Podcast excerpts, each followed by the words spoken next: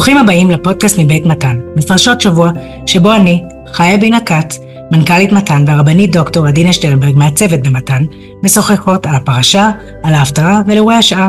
שלום עדינה. שלום חיה. השבוע פרשת תצווה, אם פרשת תרומה עסקה בכלים של המשכן ובמבנה של המשכן, בפרשת תצווה אנחנו אה, עוברות אל הכהנים ועבודה במשכן. היא מפרטת מי הם הכהנים, את הבגדים של הכהנים ואיך מכשירים אותם לכהונה, איך אה, מקדשים אותם, ממלאים את ידם והופכים אותם לכהנים בפועל. חיה, מה דיבר עלייך? אז תוך כדי שהכנתי נזכרתי בשיר שאיש הריבו חיבר, באמת הוא פייטן, אמ, בשיר שהוא חיבר בזמן הקורונה שבעצם פרצה לעולם, ממש אה, ברגעים אלה לפני ארבע או חמש שנים. ארבע. ארבע שנים. שם השיר זה כתר מלוכה. התחלתי לקרוא אותו והאמת היא שאני אגע בו במהלך הדברים שלנו פה היום, אבל בהתחלה זה ממש בין תרומה לתצווה, יום הולדת קצת משונה, הכל רגיל כאן לכאורה. בזמנו, לפני ארבע שנים כשהיינו בהלם בין הסגרים, וממש אישה, אני רואה בו כאיש האמונה, הוא לא בודד, כי יש לו אה, מאות ואלפי אה, מעריצים, כן?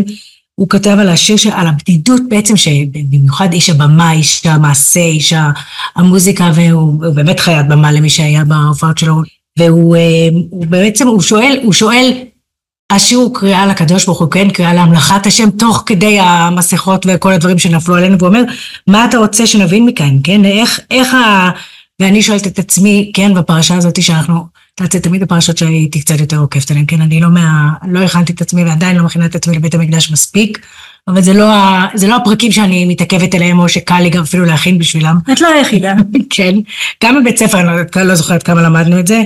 ובאמת, הוא שואל איך מתרחקים ומתקרבים בכאב הזה. וזה, אני מרגישה שהכישרון שלי, של ישי בזמנו, כאילו לקחת ולטוות את הסיפור של הפרשות עם הסיפור שקורה במדינה, ואז היה בכלל עולם. ו, ופה אני מרגישה פה ב...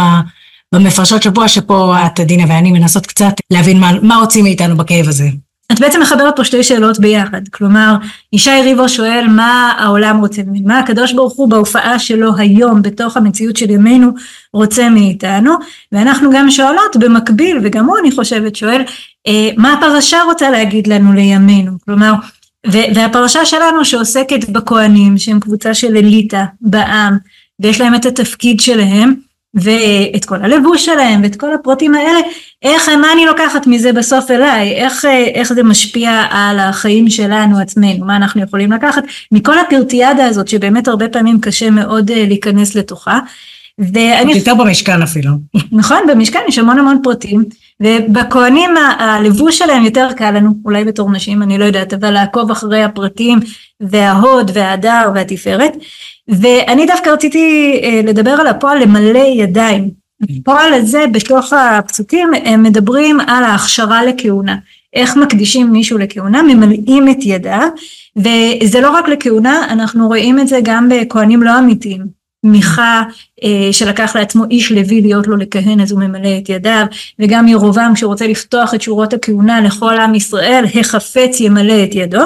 וגם אצלנו במילוי ידיים, עכשיו זה ביטוי שכשמדמיינים אותו קצת קשה להבין על מה מדובר, אז רש"י מתאר לנו שהיו שמים כמו איזה כפפה בתוך היד כדי לבטא מינוי, כמו השרביט של המלכה ששמים על הכתפיים, אז משהו שמעבירים איזה כפפה על היד, ממלאים את היד בתפקיד והרמב"ן מדבר על מילוי משום שלמות, כמו ימי המילואים הם ימי השתלמות. כן? אצלנו ימי המילואים זה אחרי שמשתלמים, וחוזרים אחר כך, אחרי שאתה כבר יודע מה לעשות. אבל פה המילואים זה אתה משתלם, אתה הופך להיות שלם לתפקיד שלך. בעוד מקום במה שראיתי על זה, שזה בעצם הוא לקח איזה, כמו המילה investment, זה איזושהי השקעה, כן?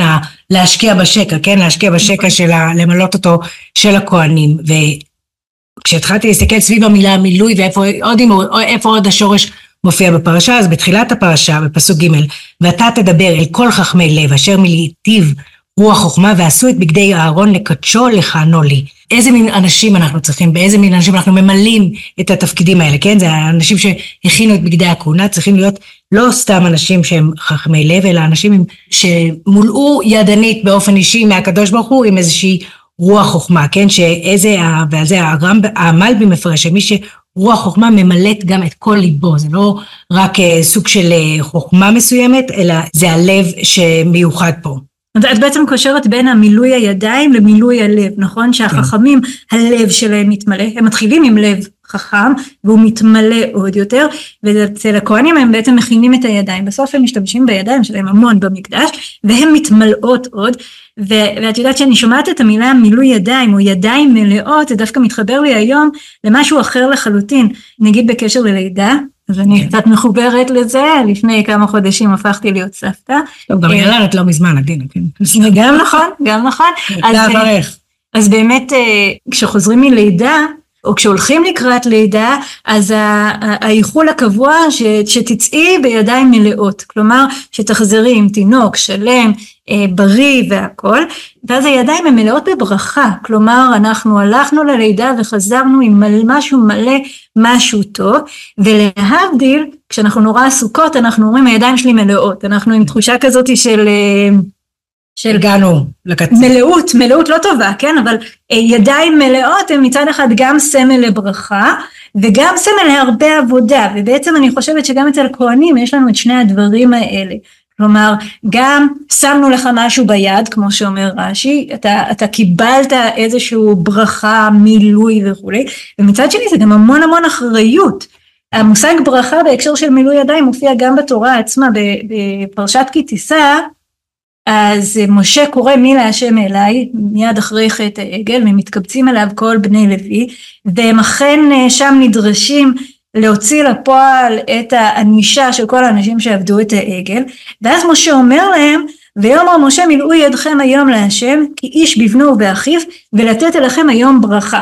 אז מכאן רש"י הבין שהכהנים נבחרו בעקבות חטא העגל, כי כתוב מילאו ידיכם היום להשם.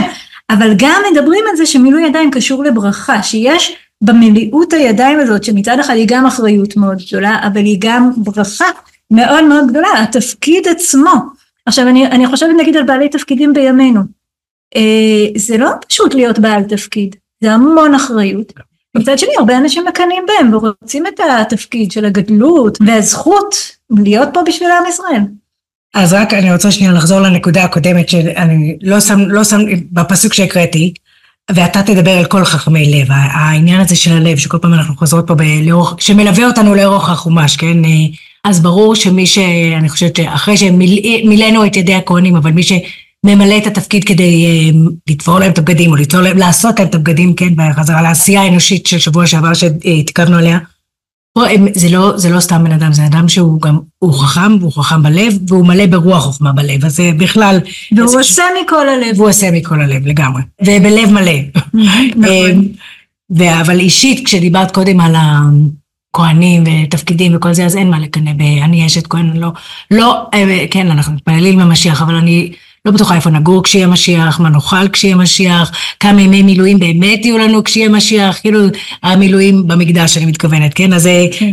וגם כמה באמת חיים פרטיים יש לכהנים כשאין להם איפה לגור וכל זה, זה הרבה שאלות של, הם באמת מלאים הכהנים, כן? אז, אבל כשאהרון נבחר לראשונה להיות יד ימינו של משה כתוב, כן? והנה הוא יוצא לקראתך ורעך ושמח בליבו. שוב, הלב הזה, כן, שאהרון כל כך שמח בתפקיד שלכם, הוא לא אה, משה חשש ומה יהיה, אולי הוא יוצא להיות לי לפה, כאילו למה שבכלל אהרון ירצה בתפקיד הזה, ואהרון, לא רק שהוא יצא לקראתו, הוא שמח, הוא, הוא, הוא, שמח, הוא ראה אותו ושמח בליבו, זה איזושהי אה, שמחה יתרה נקרא לה, כן, אה, והרש"י על הפסוק אומר, הוא רעך ושמח בליבו, לא כשאתה סבור, שיהיה מקפיד עליך שאתה עולה לגדולה, ומשם זכה אהרון להדיח חושן הנתון על הלב.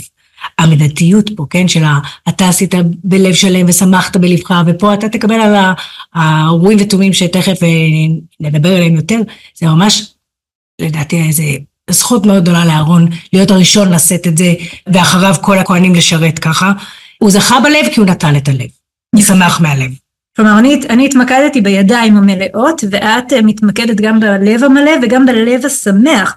בפודקאסטים קודמים, את הזכרת את דברי ספר החינוך, שהוא כל הזמן חוזר על זה שאחרי המעשים נמשכים הלבבות, ואנחנו מוצאים את הלב גם, גם באהרון ששמח ושמח בליבו, אבל גם בבגדים שלו, כן. גם בחושן יש לנו באמת את הלב, וכתוב לנו פעמיים בפרשה בבגדי הכהונה, שאהרון עושה את שמות בני ישראל לזיכרון לפני השם. פעם על אבני האפוד שהם על הכתף, כן, ולקחת את שתי אבני שוהם ופיתחת עליהם שמות בני ישראל, ובהמשך ושמת את שתי האבנים על כתפות האפוד אבני זיכרון לפני ישראל, ונשא אהרון את שמותם לפני השם על שתי כתפיו לזיכרון. אז יש לו את השמות של בני ישראל על הכתף, אבל, ופה אנחנו מגיעות ללב עוד פעם, גם זה נמצא באבני החושן, ונשא אהרון את שמות בני ישראל בחושן המשפט על ליבו בבואו אל הקודש לזיכרון לפני השם תמיד. זה מעניין שיש לנו פה גם כתפיים וגם אה, שזה בעצם הידיים, הידיים מתחילות מהכתפיים, כן. אז כדי שהידיים יוכלו להיות מלאות בעבודה, אז שמים את מה שעל הידיים, שמים על הכתפיים, ויש לנו גם את הלב, והשמות נמצאים אה, גם כאן וגם כאן. ואני חושבת על זה בהקשר של הזיכרון, למה אנחנו צריכים את השמות לזיכרון? כי זיכרון זה סוג של, אה, אנחנו מוצאים את זה בתוך עבודת הקורבנות גם ביחס לחצוצרות. שלגבי החצוצרות כתוב במדבר פרק י' וכי תבואו מלחמה בארצכם על הצר הצורר אתכם והראותם בחצוצרות ונזכרתם לפני השם אלוהיכם ונושעתם מאויביכם וביום שמחתכם ובמועדיכם ובראשי חודשיכם התקתם בחצוצרות על עולתיכם ועל זבחי שלמיכם ויהיו לכם לזיכרון. כלומר אנחנו עם הקורבנות אנחנו מנסים להיזכר לפני השם. זה סוג של אה, דפיקה על הדלת של הקדוש ברוך הוא. חצוצרות עושים את הרעש הזה של הטו טו טו. אז דפיקה על הדלת של הקדוש ברוך הוא ולהגיד שים לב עלינו תראה אותנו אנחנו רוצים את הברכה שלך. אם דיברנו על ברכה קודם אנחנו רוצים את הישועה שלך עכשיו בראש השנה שהוא יום הזיכרון גם יום דין כי אם אנחנו דופקים על הדלת והקדוש ברוך הוא פותח אז הוא יסתכל מגיע לנו לא מגיע לנו זה מתאים זה לא מתאים. אבל מה שחשוב זה שאהרון הוא בא להיזכר לפני השם, הוא בא, הוא מביא איתו את כל עם ישראל, הוא לא בא לבד, הוא לא איש שעומד שם לבד כי הוא זכה בלוטו להיות זה שמתקרב לקדוש ברוך הוא. כי הוא אח של משה. או כי הוא אח של משה, נכון. זה בכלל לא קשור לזה, הוא בא שם דווקא בגלל השמחה הזאת בלב, בגלל היכולת לשאת בלב שלו ועל הכתפיים שלו את בני ישראל, לזכור. הוא עצמו צריך לזכור מי שולח אותו ובשם מי הוא מגיע, ובזכות זה הוא יכול אה, להכניס את השמות שלנו לזיכרון לפני השם. הרי על הכתפיים שלו יש בו, היו את האבנים עם השמות, עם ה... הוא, כשהוא מגיע, זה, אני אומרת, א', אני מקווה שהוא היה לו נוח עם כל הבדים האלה, לא, הילדים שלי לא יכולים לבוש חצי מהבגדים שאני קונה להם. המסע הזה היה כל כך כבד לאהרון, שהוא באמת, אני לא יודעת איך הוא נשא את המסע הכבד הזה ולא התייאש, גם כן היו שלבים קשים, נגיע אליהם בהמשך לאהרון, אבל המצווה היומיומית שלו הייתה באמת לשאת אותם, והוא גם לא להוריד אותם. זה מזכיר לי גם את ה... אם אני מסתכלת על החיילת שלי או על החיילים האחרים, על הפלאפלים שלהם, על כל הדרגות שלהם, שזה, עם זה הם באים לפני, לפני עם זה כן, עם, עם זה הם יוצאים למלחמה, למלחמת המצווה, עם זה הם גם עומדים יום יום מול הפקודים שלהם, מול החיילים שלהם, כי אתה, אתה רוצה איזה סימן היכר ייצוגי להראות גם את הדרגה שלך, אבל גם פה זה סימן אה, כלפי שמעיה ואיזשהו חיבור על, על הכתפיים, אם היו אומרים גם לאהרון שהוא, אתה, אם הכל, באמת לדעתי אהרון, הכל ישב לו על הכתפיים, באמת אני לא מקנאה ולו ברגע אחד באהרון. נכון, אמרת שזה בעצם אה, סוג של אחריות מאוד גדולה.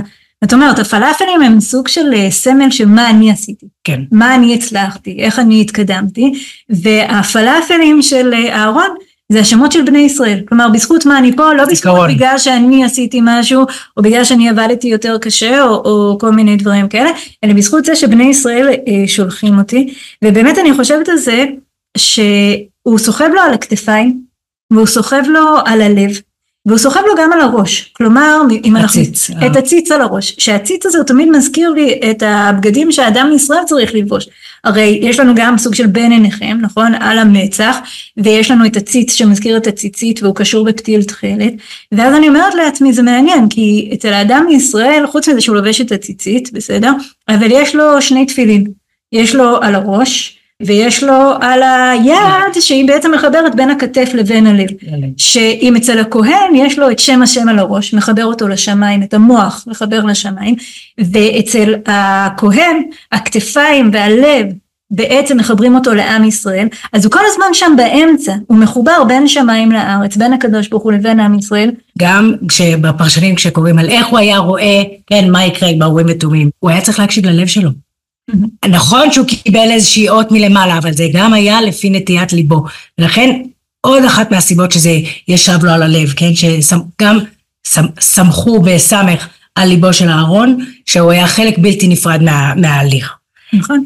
אני חושבת פה, אם אנחנו מחברות את זה לימינו, אני חושבת שאולי זה אחד מהאתגרים הכי גדולים, גם של המנהיגים, אבל גם של כל אחד ואחד מאיתנו, איך אנחנו מייצרים את האיזון הזה בין הקודש להשם והחשיבה על הקדוש ברוך הוא והעולם הדתי והרוחני והרעיוני שלנו, לבין איך אנחנו מתחברים לעם ישראל, איך אנחנו סוחבים, אני רואה, את כן, סוחבת את שמות. בני ישראל, את זה- נכון, את סוחבת את השמות של החטופים על הלב כדי לזכור כל הזמן, ו- ובאמת אנחנו כל הזמן נקראים בין הדברים האלה, כי באמת הם שני מוקדים שונים, הקדוש ברוך הוא ועם ישראל, ואיך אנחנו אה, מחברים בדברים האלה.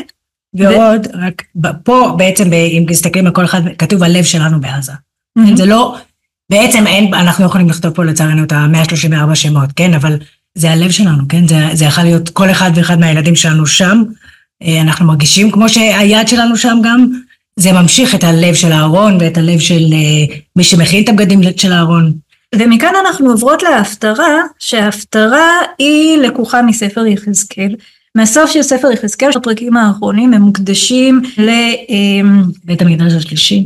אני לא יודעת אם אפשר לקרוא לזה בית המקדש השלישי, כי קצת מתווכחים על השאלה למה הוא באחד מתכוון. המקומות קראתי את זה. האם הוא מתכוון לבית שני, אבל זה נדחה וזה הפך להיות בית שלישי. זה גם מאוד קשה להבין על מה הוא מדבר, אז לכן אה, זה קצת אה, מאתגר. אבל בכל אופן, בפסוקים שאנחנו אה, נקרא, הוא מתחיל את זה מזה שיבנה המקדש אחרי שבני ישראל ייכלמו מעוונותיהם.